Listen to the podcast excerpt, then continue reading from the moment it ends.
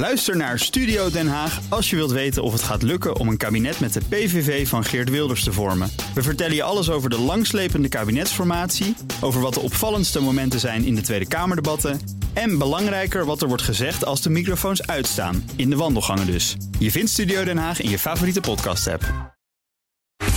Tech Update. En daarom is Connor Klerks bij ons. Connor, goedemorgen. Goedemorgen, Bas. Even een korte update van het Twitter-overnamefront. Hoe gaat het meneer, met meneer Musk? Met meneer Musk, ja, dat, dat, dat weet ik niet. Ik zat even op zijn Twitter-account te kijken. Hij is over uh, uh, games en over Tesla aan het tweeten... en ook van niet over Twitter. Maar Twitter zelf heeft een boze brief aan Musk en aan de toezichthouders gestuurd. Dat schrijft Reuters vandaag. Ze zijn van plan, niet heel verrassend, om Musk aan die deal te houden. En ze willen gewoon 44 miljard zien, zoals afgesproken.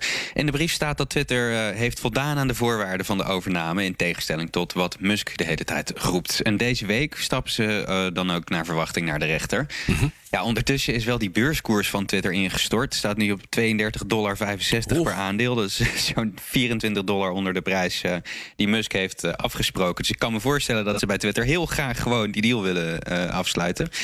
En ja, aan die lage beurskoers wordt, wordt ook weer lekker geld verdiend. Want volgens analisten hebben shortsellers inmiddels al 144, 148 miljoen dollar verdiend aan uh, speculeren op de spelletjes uh, van Elon Musk. Uh, juridische analisten die zeggen tegen Bloomberg dat het argument dat Musk gebruikt, dat er dus veel meer bots op Twitter zitten dan het bedrijf toegeeft, in een, in een mogelijke rechtszaak ook de, de hoofdrol gaat spelen. En dat hij die informatie waarschijnlijk ook boven tafel krijgt. En nou, als Musk nou gelijk blijkt te hebben, het zou mij verbazen, maar goed, het zou kunnen, dan kan hij dat gebruiken, verwachten ze, om een lagere prijs voor Twitter uit te onderhandelen. Want de mhm. consensus onder uh, de, de, de, bedrijfsspecialisten en financieel specialisten is toch dat het hem daarom uh, lijkt te doen. Um, analist Brent Till bijvoorbeeld van Jefferies die schrijft dat ze daar denken dat de pogingen van uh, Musk om die deal te laten klappen veel meer te maken heeft met de huidige slechte marktomstandigheden in de techsector dan met een botprobleem waar hij het de hele tijd over heeft. Juist, dan een heel ander verhaal. Honda de autofabrikant, blijkt een probleem te hebben met autosleutels. Hoe zit dat precies? Je kan, je kan die dingen uitlezen? Ja, security-onderzoekers die hebben een uh, manier gevonden om Honda's van een afstand uh, te openen en te starten met uh, radiootjes. Ja, het is toch een heel gevaarlijk medium, Bas. um, dat schrijft The Verge vanmorgen. Onderzoekers die hebben een probleem gevonden met het keyless ontgrendelingssysteem van Honda's van de bouwjaren 2012 tot 2022. En wat ze doen met, met, met, radioapparatuur, vangen ze eigenlijk het signaal, lezen ze dat uit van een, van een echte Honda-sleutel. Dat signaal nemen ze dan op en dat kunnen ze dan terugsturen naar de auto om te ontgrendelen. Dat is uh, nog wat. Uh, dat mag. Ik zou bijna zeggen, dat mag niet. Dat moet je niet kunnen doen. Want dan kan iedereen nee, gewoon je Honda in. Nee, dat zou, eh, zou in theorie gewoon echt niet moeten kunnen. Omdat moderne auto's die, die gebruiken iets wat een, een rolling key system uh, heet. Waardoor dus elk signaal uh, van, die auto, van die sleutel uniek is. En maar één keer kan worden gebruikt om de auto te ontgrendelen. Alsof je een pincode hebt die dus iedere keer dat je, je pinpas gebruikt ja, wijzigt. Ja. maar volgens onderzoekers hebben niet alle Honda's die, die beveiligingslaag. En Honda zegt ook, dit zou niet moeten kunnen. Maar uit die video's van de onderzoekers blijkt toch iets anders. En mogelijk zeggen ze zijn er ook andere merken hier gevoelig voor. Hmm.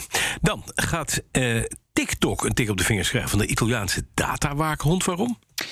Ja, de Italiaanse datawaakhond zegt dat uh, TikTok EU-privacyregels overtreedt. En ze hebben aangekondigd dat ze vanaf morgen gerichte advertenties gaan tonen op de app. Maar ze hebben geen toestemming, uh, of ze vragen de gebruikers geen toestemming uh, voor het gebruik van data die op smartphones is opgeslagen, volgens de Italianen.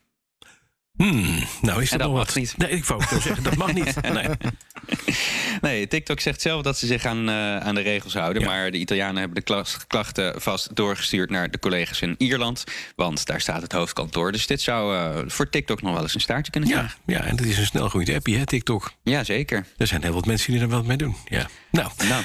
dankjewel. De BNR Tech Update wordt mede mogelijk gemaakt door Lenklen. Lenklen. Betrokken expertise, gedreven resultaat.